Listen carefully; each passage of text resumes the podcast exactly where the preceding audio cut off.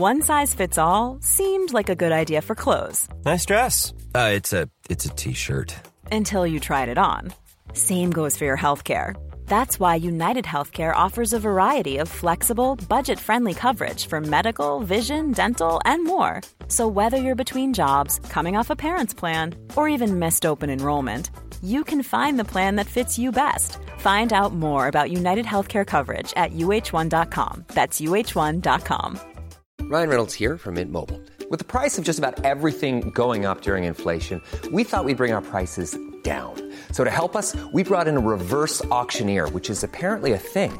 Mint Mobile unlimited premium wireless. Ready to get 30, 30, bit to get 30, bit to get 20, 20, 20, bit to get 20, 20, bit to get 15, 15, 15, 15 just 15 bucks a month. So, Give it a try at mintmobile.com slash switch. $45 upfront for three months plus taxes and fees. Promo rate for new customers for limited time. Unlimited more than 40 gigabytes per month. Slows. Full terms at mintmobile.com. Det här är Bögministeriet, en gravt homosexuell podcast där ni får följa en grupp vänner som fläker ut sina liv i etern. Det handlar absolut inte om sex. Eller jo, det gör det. Men också en hel del om relationer, känslor, drömmar, frustrationer, ja, helt enkelt om våra liv tillsammans. Hjärtligt välkomna!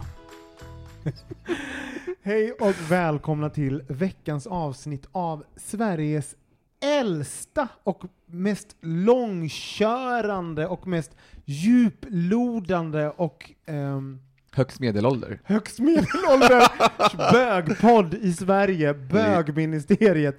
Mitt namn är Robin Olsson och jag sitter här med eh, Anton Renström. Hej, Hej. Gammelpuggan. Gammelpugga och Mm. eh, Camilo Martinez. Hur mår Hallå, jag mår bra. du? Mm? Purfärsk. Purfärsk. Pur, ja, men du, är ju- Purung. du är ju liksom såhär typ så att, Eller vad är det- ur, Vad är det, urung. 38, 36? Men ursäkta 34? mig. Ja, 34. Ja, just det. Mm. Jag visste att det var 34. Jag, bara sa. Ursäkta, nej. jag, älskar, jag älskar att du liksom, alltså, eh, att du bara, du blir liksom som en ungdom, 34 Ja, men jag blir ju det i det här gänget. Mm. Är det därför du är med? För att Ja, du, liksom, kanske. Vi känner sig ung. Du är Ung bara- och fräsch. du bara så här, börjar olika meningar med så här, men alltså, för, utifrån ett ungdomligt perspektiv, så passivt aggressivt. Ja, men lite så är det. Alltså vi, vi kids som är lite woke, vi Mm. säger på det här sättet. Precis, Mm. det är jag. Ja men vi har ju, ehm, vi är ju mitt i säsongen och det är, Mm. nu börjar det bli lite kallt och man har liksom sina Ah, vi börjar återgå till det normala, det är en pandemi som har börjat lite, men vi vet inte om den är slut, men samhället öppnar upp och liknande. Pandemin fortsätter ju, men vi, samhället Exakt, vi har bara öppnat upp. valt att den inte, den inte existerar mer. Uh, med det sagt så vill jag inte fråga hur ni mår, för jag bryr mig faktiskt inte, utan jag vill veta, eh, berätta något kul. Anton? Mm. Ja, men jag kan berätta något kul. Mm. Vi var ju faktiskt på teater, eh, och det var första, första gången som jag var det på ett och ett halvt år. Eh, Så jävla kul. Det jag var, var också där. helt fantastiskt. Och man får tycka vad man vill om föreställningen. Jag tyckte den var bra. Mm. Men jag var väldigt uppfylld av eventet att gå på teater Vad kollade ni på? jobbet.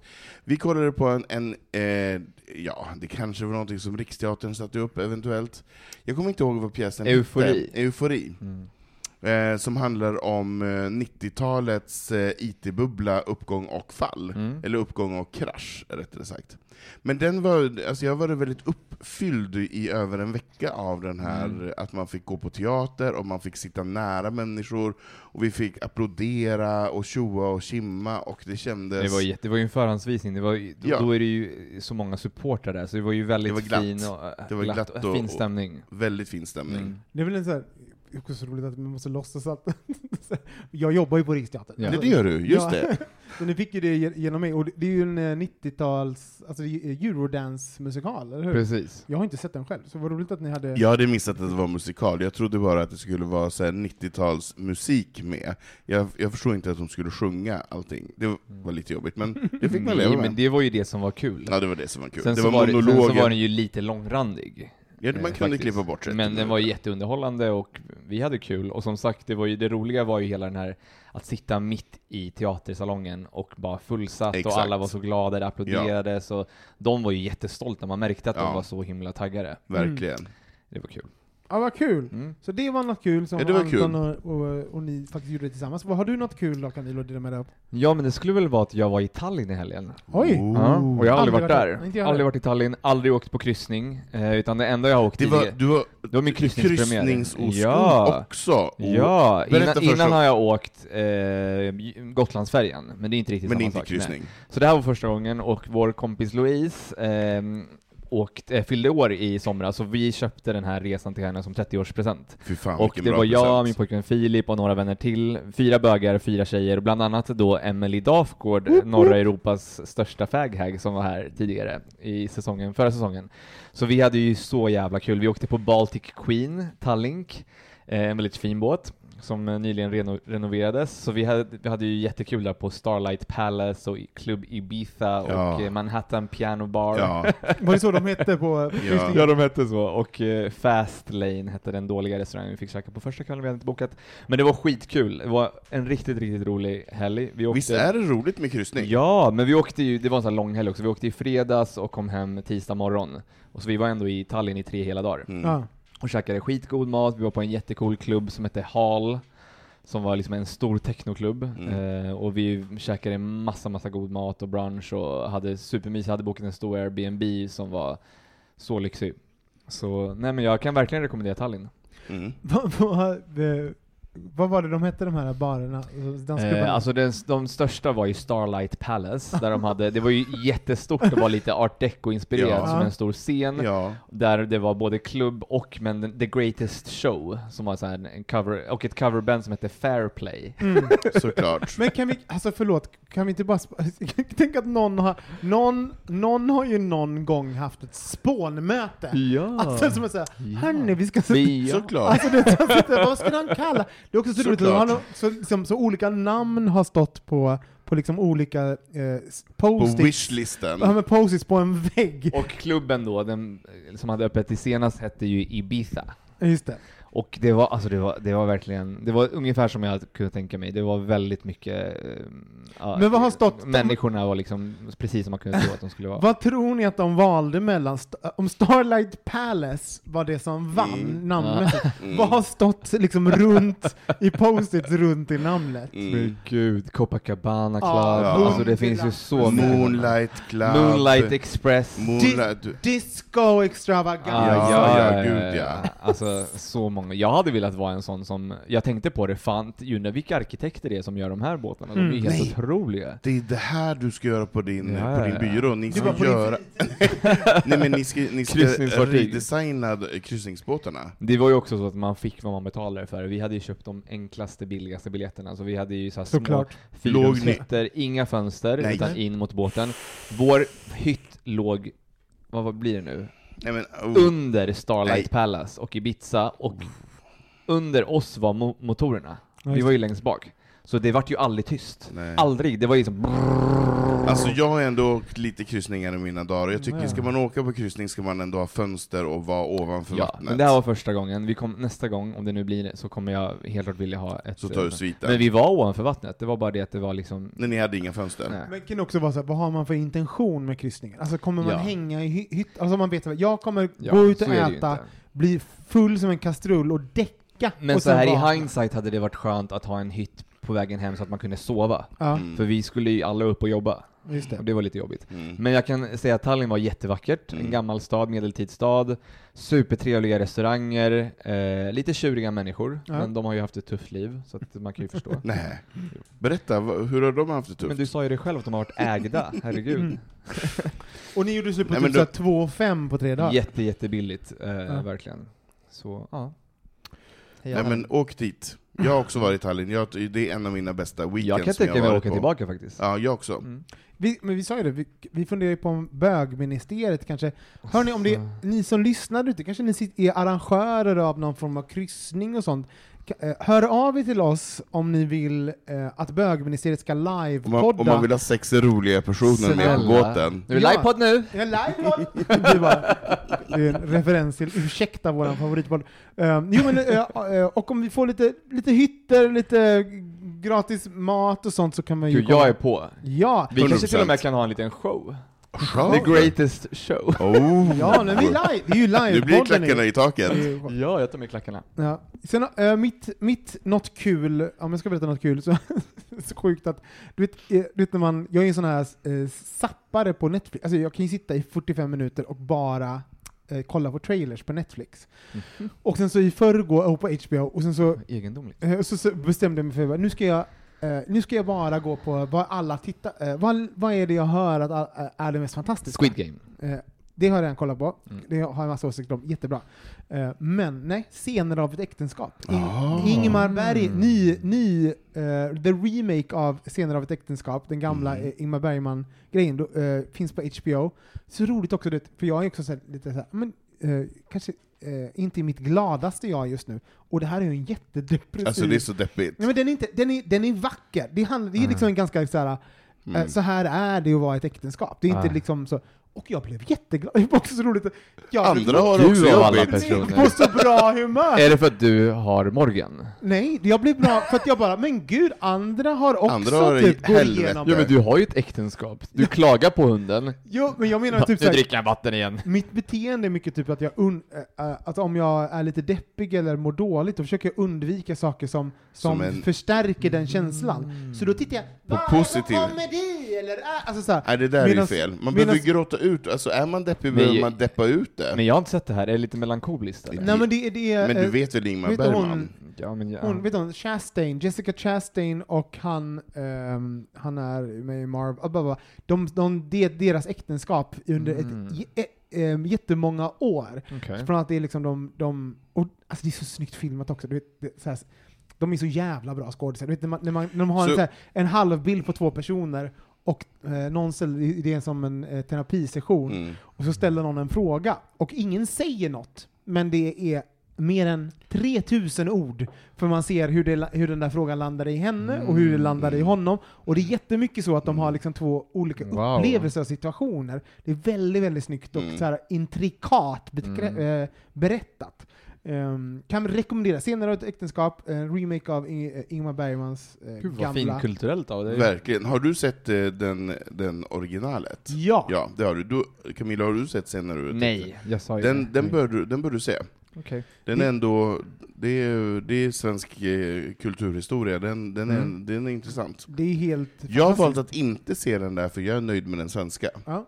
Men du tycker man kan se den där? Du ska hund, jag har, mm, som jag då nu ser, den, den, 100% ska du se den Ja, kul. För det är inte en, det är inte, det är inte en kopi, de försöker Nej. inte återskapa vad, Nej, de vad har gjort Ingmar en Bergman egen gjorde då. Det är en ny, det är en samtida, Mm. utifrån de utmaningar som man ser nu, Mm. som är så här, vad händer om en kvinna tjänar mer? Alltså Mm. så här, Mm. och så vidare. Och så vidare. För det här med remix är ju himla poppis nu, Mm. med Saltkråkan Mm. och Alltså, jag är lite tveksam till det här med, eh, vad heter den andra, den här svenska Stockholmsfilmen med John John och Elisabeth. Elisabeth! Ja, Vinterviken! Vin- Vintervik, Vinterviken. jag älskar ju originalet. det är en av Originalet, mina ja. favoriter, jag vill typ inte se den nya. Jag har sett den nya, Ja, hur var den då? besviken. Ja, precis. Jättebesviken. Och den första är ju helt fantastisk. Mm. Jag har sett den så många gånger, jag kan alla repliker. Mm. Ja, hörni. ehm, Du var inte så ung i alla fall.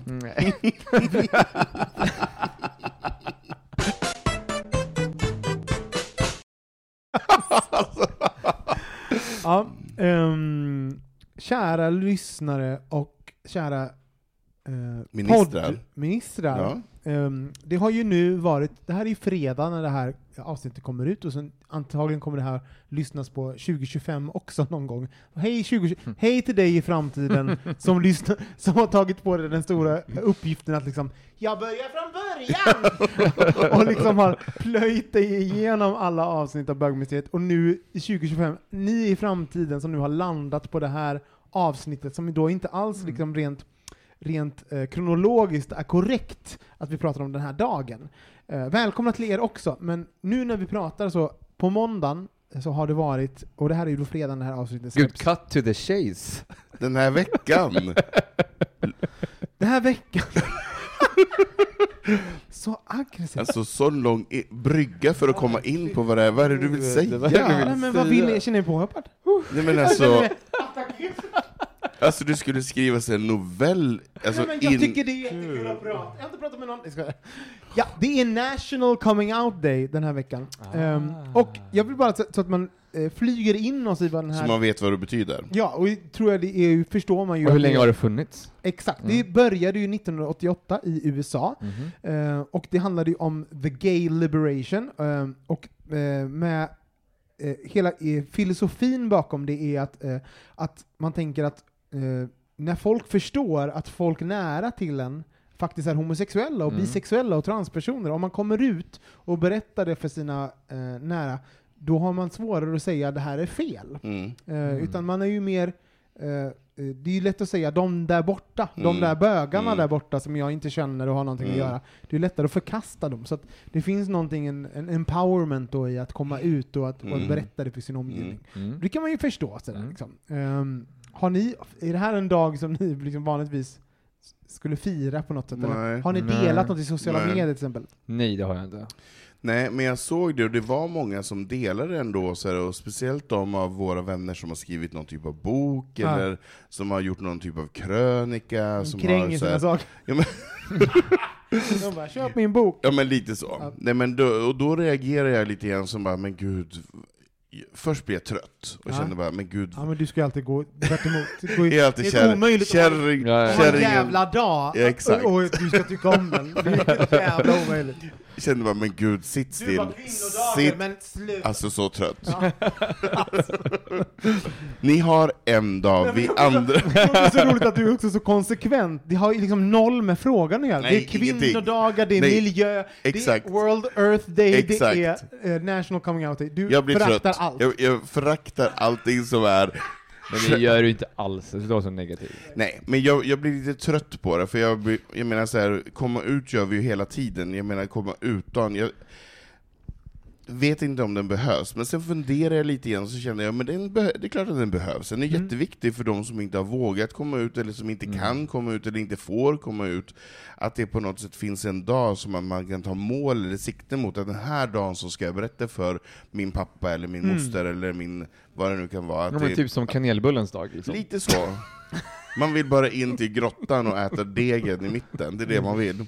Nej men att man ändå har någon typ av mål, att man säger, men jag, nu gjorde det inte det här året, nästa år har jag som mål att jag ska vara öppen Mm. och Mm. transparent och stå för vem, vem jag är. Mm. Men vi som har kommit ut kan jag tycka att det är lite trams. Jag Mm. känner här, jag firar ju inte min, ut, min egen utkomst Nej. på det sättet. Men precis som med många andra speciella dagar så handlar det ju snarare om att belysa ett, någon, någonting, som till Exakt. exempel Pride eller eller World AIDS Day, det är inte så att man nödvändigtvis Man firar AIDS någonting. på det är ingenting World man liksom nödvändigtvis behöver fira, utan det handlar ju snarare om att uppmärksamma någonting Exakt. medialt och liksom sprida kunskap och information. Det är ju Mm. det det handlar om, och på Mm. så sätt är det ju en väldigt bra dag. Mm. Sen att jag inte firar den och att vi lever i ett land eh, som Sverige där det kanske inte är lika svårt att komma ut som i vissa andra länder har gjort att man kanske har förminskat dess innebörd, i alla fall för min egen del så, har, jag- så är det ju som vilken dag som helst, typ Mm. som kanelbullens dag. Jag missade den också, jag Mm. åt ingen kanelbulle på kanelbullens dag. Jag tror våra lyssnare kommer mer upprörda att du missar kanelbullens dag. Ja, eller alltså jag förstod att den var där men jag jobbade hemma och fick ingen kanelbulle. Det Nej, var inte liksom- jag heller. Och sen så hade jag chansen att köpa en på Ica, men jag vill Ja. inte, det är inte värdigt, jag vill ha en riktig kanelbulle på kanelbullens Ja. dag, förstår ni? Nej, jag Och där med. fick Ica en Det är känga. samma, man vill ha en riktig bög under Pride. Ja. det är inte det vi ska prata om, men Nej. ni förstår, du förstår vad jag Ja. menar. Ja. Men eh, jag, tror- jag, håller- med, det är också så roligt att jag tror att ibland kan man också, vikten av att komma ut, att man kan också fastna i så här. vi är en storstad i Stockholm, Mm. vi är i en, i en ganska tillåtande miljö och Mm. kontext sådär. Mm. Så den, jag tänker att det betyder ju, och hela syftet med National Coming Out, för det kommer kommer komma in, komma in på det lite grann nu och prata om det, hur det är att komma ut och vad vi har för komma ut-historier och liknande. Och det är väl att man som, om ni, jag kan tänka mig, och det här är ju också ganska fint att tänka, jag tror att ni är ganska många där ute som lyssnar på den här podden och inte har kommit ut än. Mm. Kanske är det här ehm, det som ni, en kontakt som ni har tagit Mm. just nu Mm. för att liksom kanske eh, stärka er ehm, eh, självkänsla och självförtroende för att våga komma ut. Och då kanske man Verkligen. vill höra så här. Mm. hur var det? Vad Mm. hände med er då? För nu sitter vi också så här, men var det 25 år in, 30 år in, eller Mm. Gud, 50 år in. Nej men liksom i, i att ha kommit ut, så jag kom ut när jag var 16, nu är jag 41. Jag det är ändå tror- 25 år sedan. Alltså så här, det var då jag kom ut, eller gjorde jag rätt matte? Nej, det gjorde du verkligen inte. Fortsätt bara. Jo, Nej. 25 och 16. Mm. Det är 41. Ah. Så jag gjorde rätt, ni gjorde fel. ja. Nej, men så, här, så, och det är ju så lång, lång tid sedan, så jag tror att man Mm. kanske glömmer också typ, alltså, eh, hur det var, eller att vi kanske tar lite saker och ting för givet. Mm. Så vi ska väl gå in och prata lite grann om det där, tänker jag.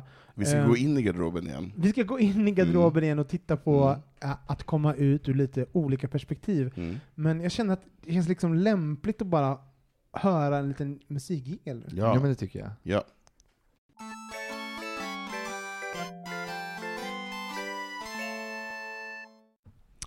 Man kan ju komma ut på så många olika sätt.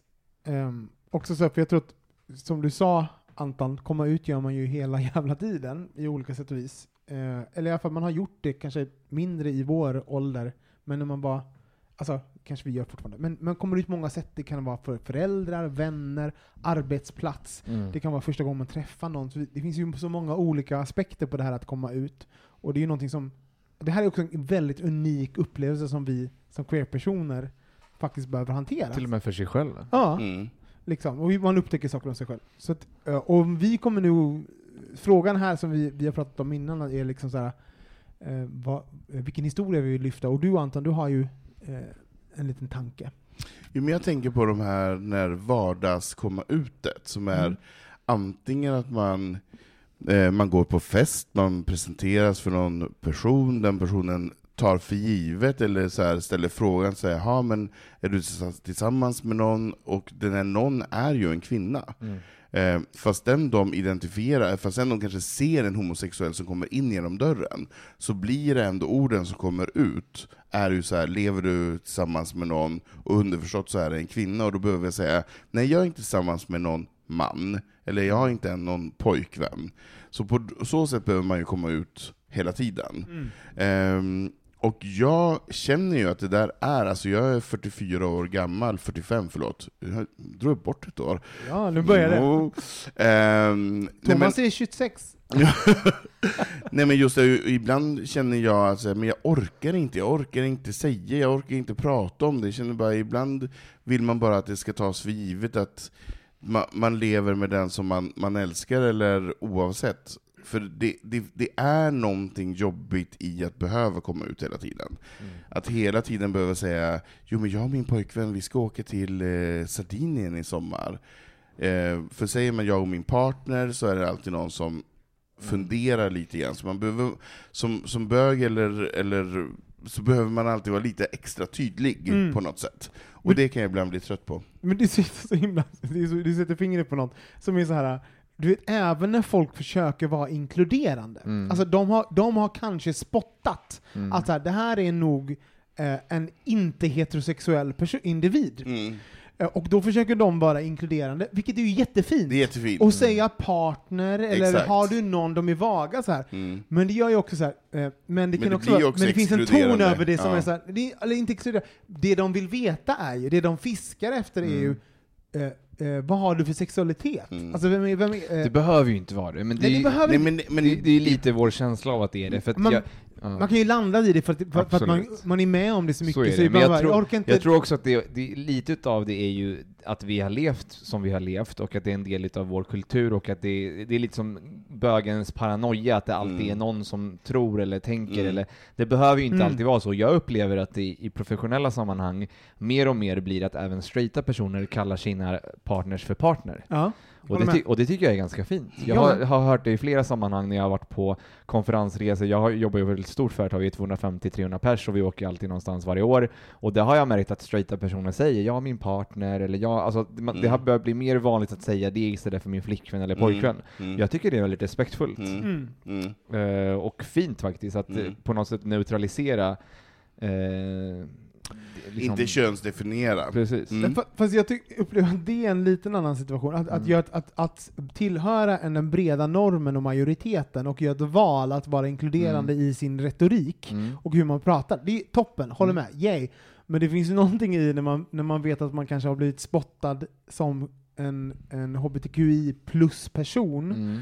Eh, och, och, och jag säger, man gör, intentionen är ju att vara inkluderande och respektfull. Mm. Men, jag tror, men, men det finns ju någonting i det här att, typ, att behöva för det som händer i mig, det du säger alltså på arbetsplatsen, la la la parter, mm. Mm. att de här Eller små, på festen, ja, eller på de här små liksom, eh, eh, trådarna som man kastar Mm, ut, det är att man känner så här, ah, måste jag berätta det här? Att de, Mm. de, jag märker att den vill veta. Eh, och att jag försöker då möta den personens behov eller nyfikenhet. Det, exakt, och det, det är det jag känner. Ibland känns det att personen frågar eller uttrycker sig för att jag ska bli insatt i ett fack. Ja. Man har sett det visuellt sett. Man ser att ja, men jag är kanske inte den här normen av heterokille. Mm. Eh, och då behöver man få det bekräftat och Mm. definierat. Och då kan jag ibland känna att jag blir trött på det. Ja. Och känner så här, men det är helt ointressant, för jag bryr mig inte om vem den personen Nej. ligger med i sovrummet. Nej. Jag vill ju på den här festen ha en rolig kväll och att vi ska stå och köta om någonting Ja. här och nu. Mm. Jag behöver inte bli jag behöver inte facka, facka kanske jag vill, men jag kanske inte behöver placera personen Mm. i ett fack, och då vill jag inte heller bli placerad i ett fack. För Mm. det, jag har någon aversion mot det här att man hela tiden ska behöva stå upp för sin sexualitet. Mm. Jag menar, jag är ju mer än, än vem jag knullar med. Jag, är ju, jag, jag tycker att jag är en intressant person. Mm. Och då tycker jag att det är tråkigt att man ska behöva hela tiden säga så här: jo men jag ligger med killar.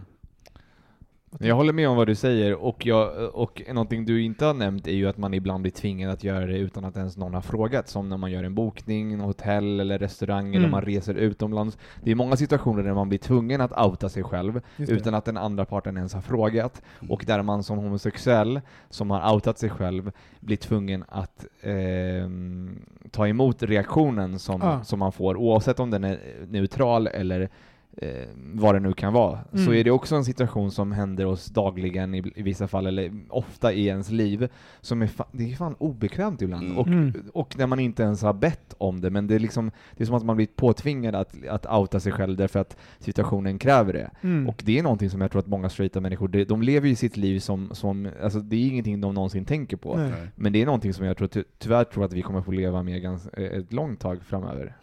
Mm. Gud, du, säger, du drar igång så mycket minnen av, av situationer när du berättade det där Camilo. För, för det är också så roligt, för att eh, för jag tror också eh, som, som bög, eller som hbtqi plus-person, en queer-person, så har man också fått lära sig vara en strateg. Vi måste tänka före hela Mm. tiden. Så Straighta kan bara gå in i eh, utrymmen, leva livet, Och ta för så här, sig. t- boka ett hotell, Mm. gå in på en restaurang. Mm. Så här. Vi, vi måste göra en, liksom en risk och konsekvensanalys. Verkligen. Lite grann så här, okej, du åkte till Tallinn, Mm. du, eh, och du hade med din pojkvän, Ja, eller men hur? jag tänkte på det jättemycket. Alltså utav ren reflex så lägger jag armen om honom eller, eh, eller en puss, men sen så tänker man ju så här: shit nu är jag här och det, jag, jag tänkte på det flera gånger under resan. Mm. Och det är, det är så märkligt, det är Mm. verkligen så här eh, speciell... Eh, Och vi är så situation. vana att tänka dem, alltså, det, är så, det, det är liksom en del av att vara eh, ho, eh, bög, Mm. queer. Alltså så, Mm. så vi är så vana vid det. Och bara att, du Mm. tar upp det här med typ boka ett hotell, hotellrum. mm.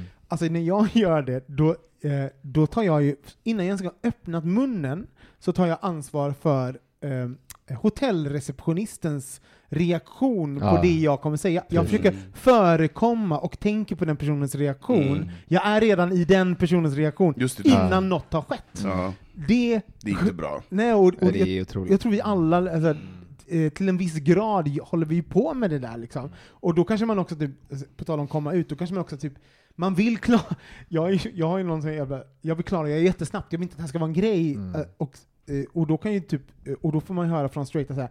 Måste ni säga det hela tiden? Alltså kan det vara i här kommentarsfält. Men vad säger du då? Nej men kan ju vara så att, typ, att jag, vill, jag säger något ganska bögigt som tydliggör någonting. Ja men gud, jag var på jag tror till och med hittat på, något någon gång, alltså, i, Mm. i, här- i ett kanske jobbsammanhang och liksom, alltså, jag bara... Så det ska underlätta för... men bara så, med en gång, hörni, det får inte vara någon, jag, vill inte, jag vill inte att ni ska undra, för jag orkar inte med stressen Mm. Mm. att, att tänka på er det. och er reaktion Ja. kring mig. Jag orkar Ja, inte med det. alltså jag känner igen mig.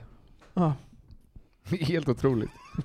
Det är, det är så Ja, man blir det så är matt också. Det är så roligt också, ni vi vet att vi har mycket straighta lyssnare, men det är, jag kan säga, det är små, små grejer som man liksom, alltså, som man också typ justerar sig själv Mm. Mm. med, för att passa in i liksom det här det här som eh, den, den heterosexuella Mm. eh, Normen. normen. inte i Mm. minsta behöver tänka på. Liksom. Mm. Men Camilo, du, du har ju ehm, eh, eh, kommit ut på jobbet en gång, hur var det? Ja, nej men egentligen så, så eh, b- bör jag prata om det här, för att jag kom aldrig riktigt ut i den traditionella meningen, att jag liksom kom ut för mina föräldrar. Det, det kom liksom, jag assimilerade mig in i den här världen, och jag kom aldrig ut, jag sa aldrig så här är det. Mina föräldrar hade flera snack med mig och min syster att det spelar ingen roll vem ni älskar, så de, Mm. jag tror att de förstod tidigt, men de ville också vara, visa och, och, och- visa att det var okej tidigt, så då var det liksom som att jag aldrig riktigt behövde göra det. Det. Eh, Men däremot Vad så, fint. ja jättefint. Däremot första gången jag känner att jag faktiskt kom ut var på, arbetsplats, på en arbetsplats. Och då var det, eh, det här var ganska sent, jag tror jag var väl en 20 någonting. Och började jobba, och, och innan dess så var det såklart folk som visste att jag var gay. Det var inte att det var någon hemlighet sen innan, men det var då första gången som det blev väldigt öppet. Jag började jobba på East, en restaurang på Stureplan, där det jobbade flera eh, homosexuella. Eh, och jag kom in där ganska, ja det var, det var det var när jag började plugga, shit det här var väldigt sent. Eh, och blev väldigt snabbt vän med många och anförtrodde mig och, då, och det var flera som frågade ganska rakt ut bara, är du gay? Och jag kommer ihåg att jag i början bara, vadå? Eller liksom, jag, jag var så himla... Du varför jag, var, jag, var, jag var så förvånad över att få en så rak fråga. Mm. Jag var inte van vid det och att folk tyckte, men vadå? Det är väl Ja, inget... det är okej. Det var jätteokej och jag kommer ihåg att jag inte sa det direkt från Nej. början. Men det tyckte var... du att det var okej? Eh, jag har varit, jag har varit jätteställd och obekväm att helt plötsligt i ett professionellt sammanhang, Ja, för i början var jag ju ny och det var professionellt, sen på slutet så var ju den här restaurangen en lekstuga, Ja. som många restauranger är, det var ingen som brydde sig om någonting alls. Men jag minns att jag var väldigt såhär shit, och sen så till mina närmsta vänner då, sa jag men jag är det, och då fick jag höra att flera hade liksom ja men jag visste det, och någon hovmästare trodde att jag inte var det, någon trodde att jag var det, och sen så var det, sen var det över. Och det var jätteskönt och jättekul, och jag var, jag var så glad. Mm. Och det var första gången som jag blev, liksom, från den dagen så var det okej att någon sa nej men Camille, nej, men han, är, han är också bög, eller han är bög. Alltså Ja. det var, för mig var det, det var verkligen min komma ut, eh, Mm. eh, mitt komma ut-sammanhang. Mm. Och det var en väldigt bra komma ut-sammanhang, även om restaurangen har en hård jargong och det är liksom väldigt mycket sexskämt åt alla håll, både åt bögar och tjejer och män. Alltså det, det är liksom ganska grovt på sådana Mm. här ställen. Så vad hade jag liksom, för mig var det en rolig och bra plats. Jag Men är mig- inte det också en väldigt inkluderande arbetsplats också? För jag Jo, på så här- sätt att det finns många i homosexuella. Exakt. I service och Eh, I servisen och hovmästare och liksom eh, Niklas Hogner jobbade, han var ju väldigt som jag kan Camille, vadå du är väl bög? Alltså han, de, de gjorde det, mina kollegor gjorde det till någonting normalt. Mm. Och nu är de fortfarande flera av dem jättenära vänner till mig Mm. som jag har rest med flera gånger och de, de är liksom viktiga personer i mitt liv. Eh, men det var, för mig var det nog min största komma ut, eh, mitt ko- komma ut sammanhang var, det, var där. Men också så intressant för att jag tror att man, alltså man är ju olika rustad. Alltså tänk också nu kanske, då hade du ju kommit ut, då hade du aldrig velat komma ut. Mm. Om man tänker dig som person, Mm. har du haft en så här men du var ju utkommen i ditt privatliv, det var att du kom in i den här professionella situationen och inte kommit ut där. Det finns ju tillfällen, alltså bara det här med bara, är du gay? Alltså man bara, där det Ja. inte är okej. Ja, ja, alltså verkligen. bara så man påminner om det, man bara, om man är på ett jobb och så bara, eh, det finns folk som är mitt i sin resa att upptäcka Verkligen. sig själv, och där är inte det, det är inte okej att ställa Mm. den frågan så. Sen kan Mm. det, beror det ju på kultur och miljö och situation Alltså verkligen, och jag menar inte att det här var det perfekta, men för mig så gick det bra liksom. Det var liksom bra tidpunkt, tajmat och, och jag varit väldigt glad efteråt. Det kändes skönt. Mm. Det var väldigt skönt att komma ut där och sen så liksom gick det ganska fort, sen sprang jag runt där med klackar och liksom allt möjligt. Ja men vad hände? Kan du inte berätta så typ så här, hur var du innan, hur var du efter? Vad hände? Alltså fick du liksom... Nej men jag tror att jag var lite mer, jag, jag, jag var lite mer reserverad i liksom min eh, Eh, femininitet. Jag kanske inte drog ut svängarna på samma sätt som jag gjorde efter det och som jag gör nu, där jag är väldigt, jag är ju extremt bekväm med att vara feminin, samtidigt som jag på min arbetsplats, där, där alla vet idag att jag är homosexuell, för att de vet att jag har min pojkvän och vi har köpt lägenhet och hela den grejen.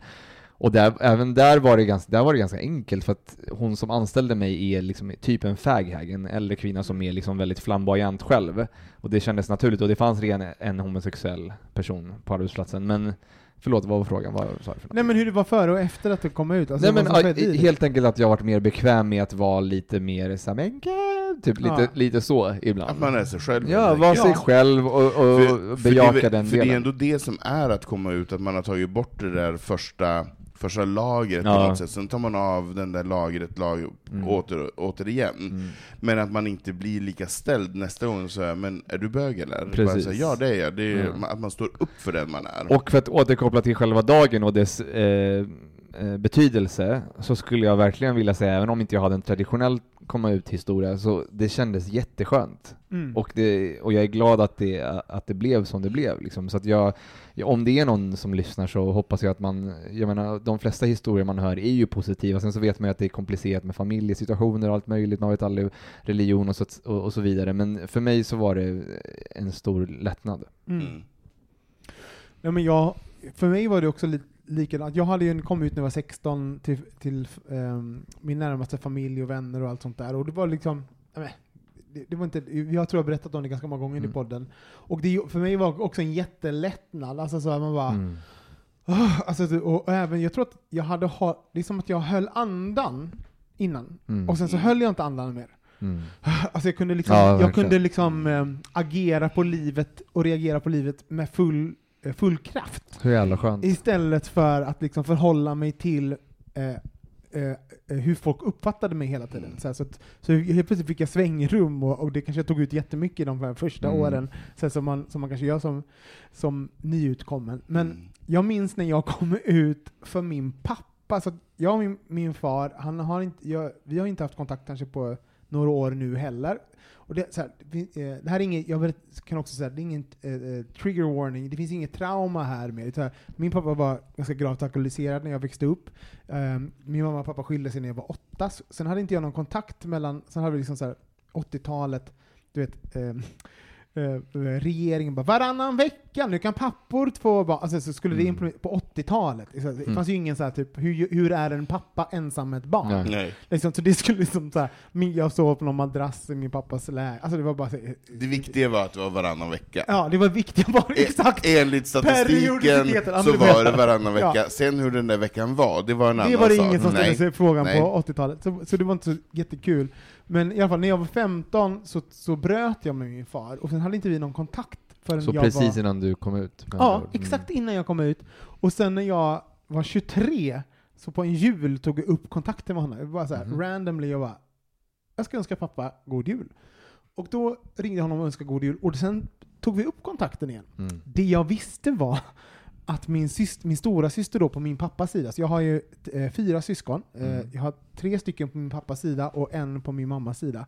Hon på min mammas sida har jag vuxit upp med jättemycket, och de tre andra har jag inte så mycket kontakt med, så de är som mig som kusiner. Mm. Jag visste ju att de här tre som är pappas barn visste att jag var bög. De visste det? De alltså? visste det, och jag visste att de, så att jag i flera år efter att jag var 23, så visste jag ju Mm. att de hade berättat för honom att Robin är bög. Men vi hade Men hur visste du det?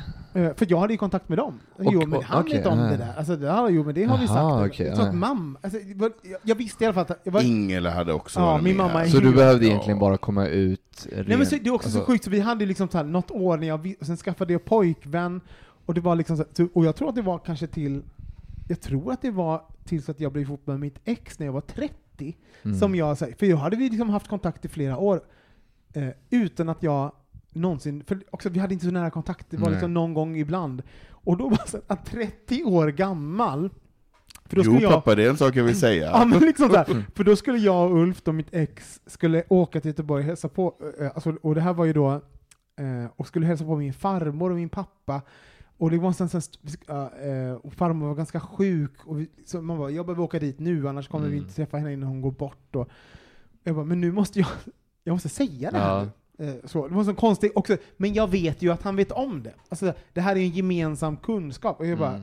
så jag minns att jag ringde upp honom och bara, eh, jag måste bara säga, eh, jag måste säga, jag vet att du vet om det här, men jag vill bara säga det. Mm. Eh, och att jag har en pojkvän, jag är bög, och eh, han heter Ulf, och, lala, och så drog jag liksom Mm. det här, och var liksom ändå så här konstigt nervös för att vara Nej, men 30 år gammal. Vet du, vad? och Mm. också intressant att återuppleva sitt 16-åriga jag, att komma Mm. ut igen. Eh, och han bara, ja, vad, vad med det då? Vad gör han då? Ja, utställningar, inga problem. Så vi träffade ju, och det var inga, också typ, det här är också en så här, vi snackar en, Varför låter din mamma och pappa exakt likadant? ja, men de är ju göteborgare som är Ja, det är det. Ja, ja, så det, och jag tror att också, jag hade liksom byggt, jag trodde inte att han skulle, jag förstod att om han hade tyckt det var fruktansvärt så hade han ju sagt det till mig under de åren. Så jag förstod att det inte var en, en akut fråga så. Han hade inte svarat när du Nej, hade men ringt. samtidigt så är det så här, liksom en, en så här, eh, ja, så här, o- Gö- Göteborg, eh, Mm. eh, förorts A-lagare, eh, typ så att säga. Mm. Men Mm. han var bara, nej, var liksom ingen, det var, det var, så, det var så litet, Mm. så att säga. Så det gick ju väldigt bra. Sen var ju jag och, fick jag ju träffa mitt ex, och vi var och hälsade på farmor och han tillsammans, hade en fika i ett, här- ett så Mm. klassiskt farmorfika, du vet, det här torra kakor Ja, vid gud, ett ja. bord. Ja, ja. Vi sitter runt, det är helt tyst. Med små, med små kaffekoppar. Med små, små, med tunna. Och Tunna, tunna, duk tunna. med, Med rosor liksom, på. Ja, och med så här typ Spets. Ja, ja, ja. Där satt vi liksom så här. Vad Och man känner sig jättestor i det där Ja. köket, för allting är så petit. Jaha, ja. Och ska man, så här, och ska man konversera? Där. Så Mm. det var min så här, vuxna komma ut.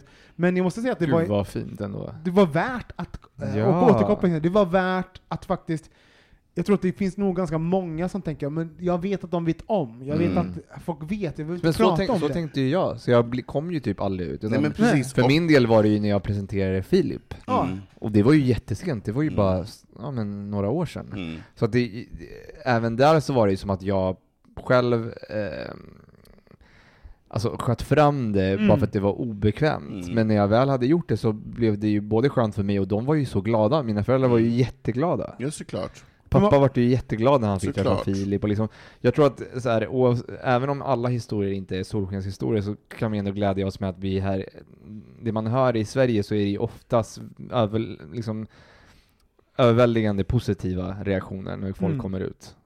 För alla parter faktiskt. Mm.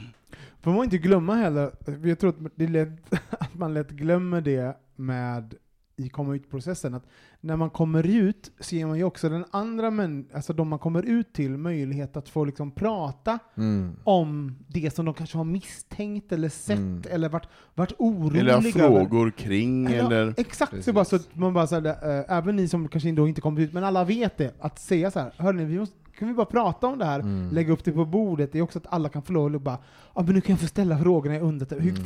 Hur inget, mår du kring det här, hur Mm. känner Precis. du liksom? Mm. och det finns ju inget facit. Det finns ju inget facit hur det är att leva som hom- homosexuell. Och det är ju inget facit i hur, hur man kommer Mm. ut heller. Men jag menar så här, det är ju ändå skönt Mm. att man kan få, få komma ut och säga, eller att stå för den man är. Mm. För jag menar, ingen vill väl leva ett liv i att man lever i någon typ av, av beslöjad verklighet, eller ett dunkel, eller ett otydligt. Mm. Det låter lite klyschigt eftersom man har hört det här i böcker och läst och sett och hört och poddar och filmer, men det är ju, det finns ju en anledning till att det är så, det är faktiskt befriande. Mm. Mm. Det är det verkligen.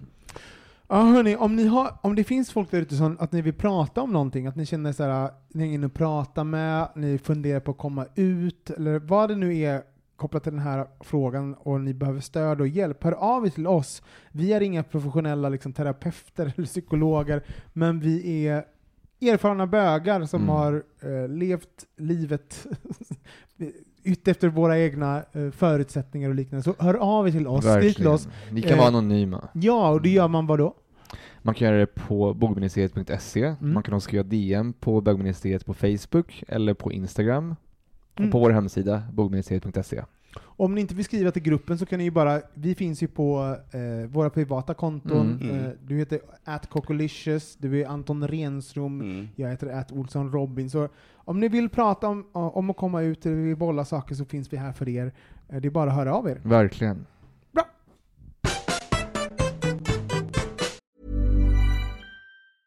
A lot can happen in three years, like a chatbot may be your new best friend. But what won't change? Needing health insurance. United Healthcare Tri Term Medical Plans, underwritten by Golden Rule Insurance Company, offer flexible, budget friendly coverage that lasts nearly three years in some states. Learn more at uh1.com. Hey, I'm Ryan Reynolds. Recently, I asked Mint Mobile's legal team if big wireless companies are allowed to raise prices due to inflation. They said yes. And then when I asked if raising prices technically violates those onerous two year contracts, they said, What the f are you talking about, you insane Hollywood ass? F- So to recap, we're cutting the price of Mint Unlimited from $30 a month to just $15 a month. Give it a try at mintmobile.com slash switch. $45 upfront for three months plus taxes and fees. Promo rate for new customers for limited time. Unlimited more than 40 gigabytes per month. Slows. Full terms at mintmobile.com. Ever catch yourself eating the same flavorless dinner three days in a row? Dreaming of something better? Well, HelloFresh is your guilt-free dream come true, baby. It's me, Kiki Palmer. Let's wake up those taste buds with hot, juicy pecan-crusted chicken or garlic butter shrimp scampi. Mm. Hello Fresh. Stop dreaming of all the delicious possibilities and dig in at HelloFresh.com. Let's get this dinner party started.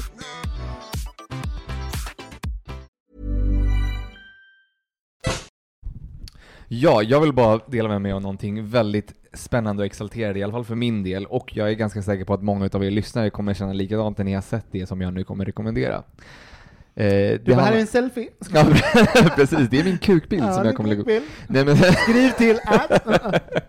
Nej men så här, jag har ju alltid varit fascinerad av modevisningar och runways och jag älskade Victoria's Secret. Victoria's Secret har ju typ slutat eftersom de var så himla inaktuella och förlegade och liksom Berätta väg- vad Victoria's Secret var, jag tror inte alla kanske har koll på. jag tror att de flesta har koll, men för er som inte har koll så är det ju, det, det var världens största modevisning. Det började i slutet på 90-talet med det här, eh, eller kl- klädvar, eh, underklädesmärket för kvinnor, Victoria's Secret har funnits längre, men i slutet på 90-talet så la de på en show, en stor modevisning som med åren växte och växte och blev ikonisk.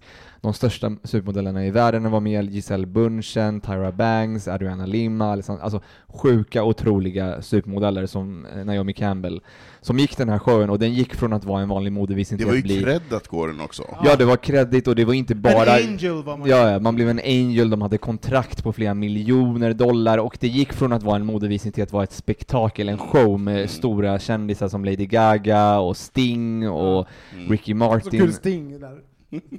Nej men otroliga, nu, eh, men jag jättestora tänker, stjärnor jag tänker, och inte allt för länge sedan så är eh, Jenner-dottern som också Ja, är ja, modell, ja. det var Ja, en ja. stor grej när hon Absolut, fick gå. Kendall Jenner, och vi har haft många svenska som har gått, Mm. som Elsa Hosk och Caroline Winberg och Mini Andén. Hur som helst, ett spektakel. Mm. Men med åren så liksom, medans världen, eh, liksom evolution, evolutionen gick vidare och alla liksom gick mot mer inkluderande mm, shower Så stod och still. så stod Victoria's Secret verkligen still och det hade mycket att göra med deras ledning som var väldigt förlegad, en gammal gubb, två gamla gubbar liksom. Det, man kan se dokumentärer om det här som vägrade liksom inse att vi måste ha alla åldrar, alla storlekar, alla färger, eh, och k- kanske även transsexuella såklart Mm. eftersom det är en del utav liksom den världen vi lever i. Och, men de gjorde inte det, så de konkade ju nästan eh, nu under pandemin. Och nu håller Victoria's Secret på att förändras och de kanske kommer lyckas med det. Men någon, det jag ville komma till, någon som verkligen har lyckats med det här, att eh, dra på en show i sin, som är liksom är i sin tid, är Rihanna. Mm. Och Rihanna har ju ett märke som heter Fenty och hon har ett underklädesmärke i den linjen. Det är smink och allt möjligt. Hon har ett imperium nu, men hon har ställt till en show nu tre år i rad. Det här var volym tre. Mm. Och den finns då tyvärr bara på Prime, Amazon Prime. Men om ni inte har det så har ni säkert någon vän som har det som ni kan låna. Ni, vill, ni behöver bara se den här showen. Den är 45 minuter lång och den är magisk. Asså? Alltså ni har inte sett den, men jag har Nej. sett den nu två gånger. För jag såg den för två veckor sedan, jag och min kille, och nu när vi var i Tallinn en, en myskväll så såg vi den innan vi gick ut och käkade middag. Mm. Och den är så magisk. De har, också, de har hyrt ett gammalt hotell i Los Angeles som är ett brutalistiskt mästerverk. Ett Mm. stort liksom atrium med ett trapphus i betong och så har de eh, anlitat världens bästa ljussättare eh, eh, som har liksom lyst upp det här och sen har de artister och någon operasångerska. Öppningen är min favorit, en 10 minuters öppning med en operasångerska som sjunger med en massa coola dansare och modeller som går. Cindy Crawford är, är med, hon är ju 50 någonting. Hon går upp för den här trappen i någon jävla klänning och sen så är det massa dansare och de har verkligen inkluderat alla typer av människor. Det är killar, det är tjejer, det är eh, sm- smala, tjocka, det är celluliter, det är liksom alla färger, det är transsexuella, det är drag queens. Mm. Eh, från RuPaul's Drag Queens fanns det två stycken. Det är ehm, folk som har amputerat benen, som har proteser. Mm. Det är liksom alla, och de alla har det här otroliga självförtroende så att man känner sig, när man ser det här så vill man bara, alltså man känner sig så empowered Mm. och man blir glad och de vi kollade på nu när vi var i Ta- alla blev helt golvade. Alla bara, men gud Mm. vad är det här för någonting? De är så snygga allihopa och de har sån självförtroende och det är så självklart att alla är med och det är inte, jag tycker inte att de har så här inkvoterat utan de har fått det på ett sätt som är, det är som en cirkus, men en sexig cirkus. Alltså Mm. en sexig, cool cirkus, alltså, och ni måste fan se det här. Så att det här är mitt tips. Det låter helt... Alltså, jag, också, jag blir typ... Jag, det är så att jag får, jag får eh, känslan i kroppen som, som när jag var eh, typ såhär 14 och kollade på eh, eh, George Michaels Ja. eh, modellvideo. Alltså, när, man, när man var såhär, man tänkte Ja. att man... gick Man, Freedom. freedom, alltså man gick Mm. liksom i, i... Och jag fick den känslan Mm. nu, fast liksom, och att jag även skulle kunna... För, för det skillnaden är ju, det skulle jag ju aldrig få lov att göra i George, George Michaels videos. Nej. För, det, för det var ju bara Mm. alltså supermodeller som var smala. Nej, Men, men här alltså- känns det som att man bara, "Ja, men om hade, hade Nej, man men en alltså- rätt, rätt attityd så skulle man, kanske Rihanna tillåta en att man skulle Är de har sån attityd och det Ja. är så Verkligen. jävla snyggt gjort och musiken och showen, äh, fy fan, jag, jag är så imponerad. Fan vad roligt. Mm, så Och- se gärna den. Och är det här Rihanna själv som styr över de här sakerna, eller har Så jag hon... tror hon styr ganska mycket, hon är med i showen själv, inte mycket Ja. utan bara ett litet segment på slutet Ja. där hon sjunger och är med och liksom en del av showen. Men Mm. jag tror att hon har varit ganska eh, involverad i det här. Rihanna känns ju som en väldigt cool brud. Mm. Och hon, hon känns som att hon absolut har en hel del att säga i, i liksom urvalet utav Mm. eh, personer som är med. Mm. Vad betyder det då? Eh, alltså minns jag, för, för det, vi- det vi pratar om är ju liksom en, en, en, jät, en eh, jättestor händelse som får Mm. jättemycket uppmärksamhet, press, media och allting Mm. är där. Och som visar liksom på en bredd, en representation och man kanske typ sitter där och åh men gud, det är typ jag. Alltså Mm. ish jag går där. Men det är det det handlar om, representation, det? representation, att folk ska känna igen sig. Det var mycket av kritiken som Victoria's Secret fick var att in, nästan ingen av de tjejerna som gick in i butiken kunde känna igen sig med Mm. de här otroliga kvinnorna som är liksom en promille utav befolkningen ser ut så här och de, de ser knappt ut så här i verkligheten heller. De är ju Mm. liksom retuscherade, de har tagit hjälp av eh, kirurgi och så vidare. Det är liksom en, o, en bild som är ouppnåelig. Ja. Och här ser man då en bild utav, det, fanns, det finns queera killar, det finns machokillar, Mm. det är machokillar som har på sig eh, spetsunderkläder, alltså det är, de har verkligen fått med, så, de, ja, det är så inkluderande så att det blir, jag tror att alla verkligen kan känna att shit, jag, kan, jag vill köpa någonting Mm. från Fenty. Man känner Ja, men sig typ det där, så, där, så, representerad. där, så där skulle det se ut på mig. Alltså, Ja. för, om man ska vara helt krasst också, jag tycker det är så himla, himla klokt också av varumärken att- jobba så, för man bara, ja men det är väl, det är jätte, annars blir det bara spektakel som Mm. inte har någonting med mig och det jag handlar. Jag bara, just det, det där, den där kroppen, Mm. ungefär så kanske den där produkten ser ut. Mm. Men att man precis. förstår att, att ens kunder är så mångfacetterade Mm. och så olika, att det inte bara finns en, det är inte bara en hudtyp som Mm. kommer handla ett varumärke, utan det är alla som vill ha. Men det är helt ja. sjukt att vi, alltså förlåt, men hur sent har det varit att Ja, det finns vet. ett mångfald av plåster? alltså för hur Ja, alltså, ja, ni ja. vet inte så här, ja. Plåster har ju bara Ja. funnits så här, eh, så här, eh, en ton som ska då passa den extrema bredd av hudtoner som helt finns. otroligt. Alltså, och Mm. nu finns det ju, men det måste ju typ specialbeställas, alltså Ja. det är ju verkligen att inte det finns överallt. Mm. Det är helt fucking jävla sjukt. Mm. Men eh, vad bra, och vad kunde man titta på det här som? Men det är ju då på Amazon Prime som kanske inte jättemånga har, men man, oftast kan man ju få en sån här gratis månad. Mm. Så jag rekommenderar det, ta en gratis månad bara för att få se den och här showen. Den inte är, på, det är ingen som har filmat av och ligger på Youtube eller något nej, sånt. det är ganska Nej. nytt, jag tror bara Vi varit ute några Rihanna veckor. också som gör det här. Jag- Ja, det gör vi. men alltså, pengar. jag stöttar verkligen Rihanna, det är helt... Två biljoner. Det är, som, det, är hon- så, det- det är som Björn och Benny, man behöver, man behöver lägga en tusenlapp eller två så de får ett... Men hur roligt, jag kom på nu, jag lyssnar på senaste avsnittet av Flashback Forever, så tar de ju upp, då är det ju... Då är, Oh my god, Ja, Rihanna! Jag lyssnade ja, också på den. Då Oh my... tar de ju upp en av, eh, en av talking points I wanna kiss Rihanna. I wanna, eh, Han heter den, så. I wanna kiss Rihanna, som är besatt av Rihanna. Ja. Och eh, han, ja, det får man även... Väldigt bra avsnitt att komma in i den eh, podden på. Ja. Otroligt Det är en roligt. jättebra podcast. Ja. Vi tar en jingel.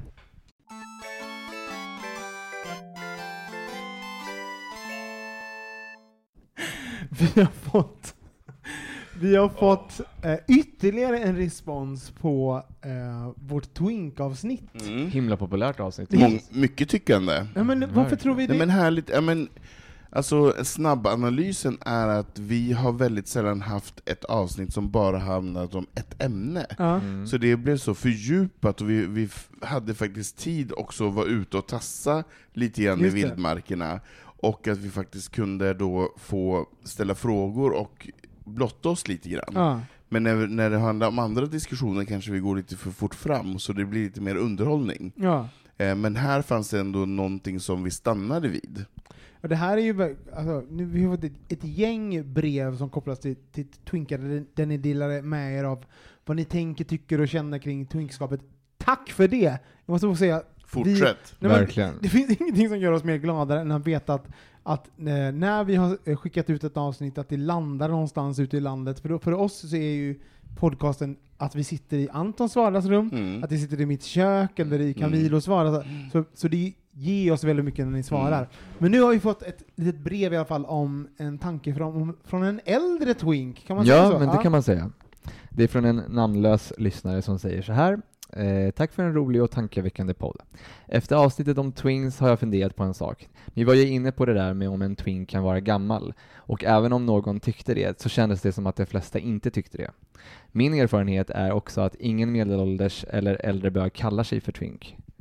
Jag var twink när jag var yngre, men är nu runt 40 och känner mig tveksam till att kalla mig, till, kalla mig det nu. Samtidigt är jag inte en björn eller utter. Så det jag undrar är, vad kallar man en äldre bög som har ett androgynt utseende? Och om det inte finns något ord för det, och vad tror ni det beror, vad tror ni det beror på? Hora. Vad kallar en hora? Men alltså, det finns, det, nej, men här finns det också någonting som är problematiskt, att vi har ändå en, en, en gruppering Just inom det. vårt community som vi benämner, men de blir... Så får han finnas om han inte är grupperad? Alltså om inte han är tillhör, vad är han då? Vad är han alltså, då? Ja. För jag menar, du kan ju gå från twink till björn, eller till daddy, Mm. eller till otter, eller vad fan som helst. Men om du då är twink och så är, ja men, ja jag kanske är det när jag är 40, men det finns ingen benämning för Men kan man det. inte kombinera, kan man inte bara göra det enkelt och säga I'm an old twink? Det är ju jätteenkelt. jag Varför det? Man det. kan göra muscle, muscle twink, varför kan, man, varför kan man kombinera andra saker Men men, inte? hur kul är det att säga så här, twink. Men lyssna, I'm lyssna, lyssna, lyssna. Nej, men lyssna för då, då, då säger man ju det man vill säga. Jag är äldre men jag ser ut som en twink, kan det inte bara vara så enkelt? Jag tycker ju typ alltså är man, för det är också jobbigt, har man en katt, eh, alltså, gud, vad så komplicerat. Den här personen vill ju ka- ka- kategorisera sig verkar det som. Jo, men är man inte liksom då en... Nej, men jag tycker att det är problematiskt att vi har någonting som vi, Twink som vi är ju åldersbaserat. att vi är ålderbaserade, det tycker jag är lite problematiskt. Fast det är ju det. Twinken Varför, varför, är varför ju är det Men åldersbaserat? Men vadå, daddy är ju också... Daddy, en, ni, en Det är väl inte så? 17-åring det kan inte kalla sig är, daddy. jo då, det är jättemånga, Nej men sen, nu får du lägga ner. Men för, vänta, för det här är det en är viktig grej. jättemånga unga killar som går runt och tycker att de är daddies bara det för att de har, de inte har- hår på bröstet och muskler. Men då är de är ju så rolig utter, grej. då kanske de är utter. Det är en så rolig grej, för det kan ju vara så här, en 27-åring som knullar med 19-åringar, de bara 'I'm your daddy' Man bara, och, och, och då är ju de daddy i den relationen, och så sitter man själv bredvid 41 och man bara 'förlåt, du är ingen, om du Nej. är en daddy, då Du är jag ju, ja, men då är jag ju ett, Mm. lik' så, Men jag tycker ändå att det finns, alltså, det här är ju också åsikter, eh, att det finns någonting också att man bara, man måste kunna släppa saker. Jag var twink förut. Mm. Jag, är, jag skulle inte säga Jo men du har ju också genomgått en förvandling. Jo du men förvandlingen från, från, du har ju gått, du har ju gått fysiskt har du Mm. gått via en Exakt, förvandling som, inte, som, från- inte, som inte har med ålder att göra. Nej, men... men- om han inte har genomgått en fysisk förändring, Fast utan han ser likadan ut bara att han har fått 40... han ser ju äldre ut. Jo men han ser äldre ut, men Alltså, jag tycker, eh, han, det låter ju inte som att han vill vara twink, han vill bara, han vill, frågan är ju Men ganska tydlig, vad kallar man, vad kallar man Han eh, någon som är äldre, Ja. Gör som har... Och du sa gammal twink, hur roligt är det? Nej men, Men, nej men så här, jag, Det är jag, som att säga en gammal men bög. Hallå. daddy twink då? nej men jag tycker man kan eh, eh, nu kan man inte ka- vi kommer ju prata om dad, daddies om några veckor, Mm. eh, eh, liten, liten prepp inför det. Ska vi det? Ja, det ska Okej, vi. mm. Och eh, man kan ju, eh, daddiness, det handlar ju mer om ålder och attityd, du skulle säga, såklart, eh, alltså såhär, så man kan ju vara en daddy, Mm. Men också typ, man bara, eh, måste man vara, kan man växa ut eh, labels, alltså etiketter? Alltså såhär, jag bara, nu är jag bara en bö- kan han vara en bök?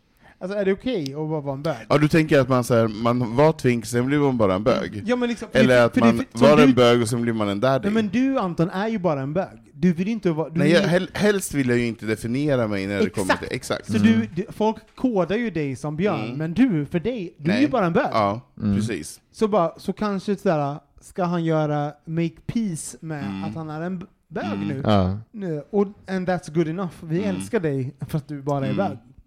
Ja, ja, samtidigt så förstår jag ju frågan, det är lite synd att det inte finns en sån eh, självklar, men det är kanske det vi borde, som Delfin. bögministeriet borde vi liksom ta oss an den. Han, Alltså, han kan vara en säl, är det fint? Är det fint? Nej. Jag tycker så, jag såg precis, jag sitter, ju- det är så ro, roligt nu, jag har inget liv nu, jag jobbar bara och så sitter jag på TikTok. Alltså, jag, jag kollar inte på någon serie, jag bara, jo det är en men ut, ut, TikTok, gud hur Ja, gammal men jag är jobbar på du? TikTok hela tiden. Eh, och då så roligt såhär, eh, så tittade jag på, på, på säl, alltså så aggressiva säl. Alltså, det, det finns något som är så osmickrande med att kalla någon en säl om man har Verkligen. Om man har Men vadå, spenderat- men vadå, utter är inte direkt jättesmickrande, men det, har- innebörden har ju, gulliga. innebörden har ju Sälar är ju bara som en... alltså, det är som Skämtar en du? Sälar är ju jättesöta. Nej, alltså Nej, sälar är också så här helt klumpiga. ja, men kan ni bara ta Whatever. ett annat bra men? Kasanovic sa ju så här, det finns ett svar på det, twink, Mm. twank, twonk. Alltså att man säger böjer... Fast det där böj- funkar ju inte med tanke på att twink kom ju från ordet Ex- twank. Men sen, sen finns Exakt, det ju det blir- Wolves, finns det Wolf, det finns, eh, alltså, eh, och det finns även ehm, Silver Fox. Silver Fox och allt sånt där. Ja. Vet du vad? Du behöver ställa dig framför, framför spegeln. Jag tycker du får skicka en bild, så kanske vi kan liksom avgöra. Men jag tycker också typ att du, jag vet inte vad du heter, men säg att du heter Mm. Gunnar. Du är Mm. Gunnar, Mm. and that's good enough. Ja, det är verkligen good enough. Mm. Och jag tycker fortfarande att du kan vara en twink, eller twinker, eller Ja, vad men det fan tycker man inte vill. jag. så Jag tycker inte heller, jag tycker nej. inte heller Nej, vi tycker olika här. Men Ah. jag, jag, jag står upp för att vara den twink du är fastän du är 40. Jag kanske vill ligga med dig som twink. Nu ska vi runda av det här avsnittet. Mig kan ni följa på @olssonrobin på Twitter och Instagram till exempel, inte på Facebook, kommer inte godkänna. Men vad kan man följa dig, Camilo? Eh, På Instagram, at cocolicious. Och du, Och mig också på Instagram, at Anton Renström. du finns ju på Twitter också, men du kan inte komma Nej, åt men- det kontot. det är så roligt att jag, du, så här, du bara reggade 2007 och så existerar det. Ja. Ja, men det är Instagram som man får följa mig. Och det finns ingenting som gör oss mer glada än när ni typ eh, stöter på någonting i livet eller har en fråga eller funderar på någonting. Det kan vara ett problem eller en reflektion eller vad som helst och ni Mhm. skriver in till oss till hej eller på Instagram, du kan skicka- ett direktmeddelande eller på Facebook. eh, Eller på vår hemsida. På vår hemsida Mm. kan ni vara anonym också, det är Mm. många som väljer att vara det. Så gör det snälla. Och kom ihåg, vi sitter här vecka efter vecka, säsong 20, och gör det här för er, för att ni lyssnar där ute och för att vi ska få prata med varandra men även ha kontakt med er där ute. Vi det- gör också lite grann för oss själva också. Såklart, men, Mm. men kom ihåg, liksom, om ni tycker om podden, om ni har lyssnat på oss mycket, kom ihåg att likea, kommentera, lämna en, Dela, ratea. ja, lämna en recension på vad ni nu lyssnar och, och dela vidare avsnittet till någon ni Mm. tycker om. Det betyder jättemycket för oss. Mm. Det är så som vi ja, men känner oss lite älskade om Mm. helt, om man ska vara helt ärliga. Vi får bekräftelse. Ja. Mm. Tack för att ni lyssnar, vi hörs Tack nästa och vecka. hej! Hej då! Bögministeriet, bögministeriet, bögministeriet, bögministeriet.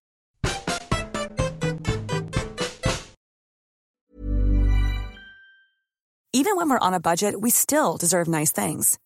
Quince is a place to scoop up stunning high-end goods for 50 to 80% less than similar brands. They have buttery soft cashmere sweaters starting at $50, luxurious Italian leather bags, and so much more. Plus, Quince only works with factories that use safe, ethical, and responsible manufacturing. Get the high-end goods you'll love without the high price tag with Quince. Go to quince.com slash style for free shipping and 365-day returns.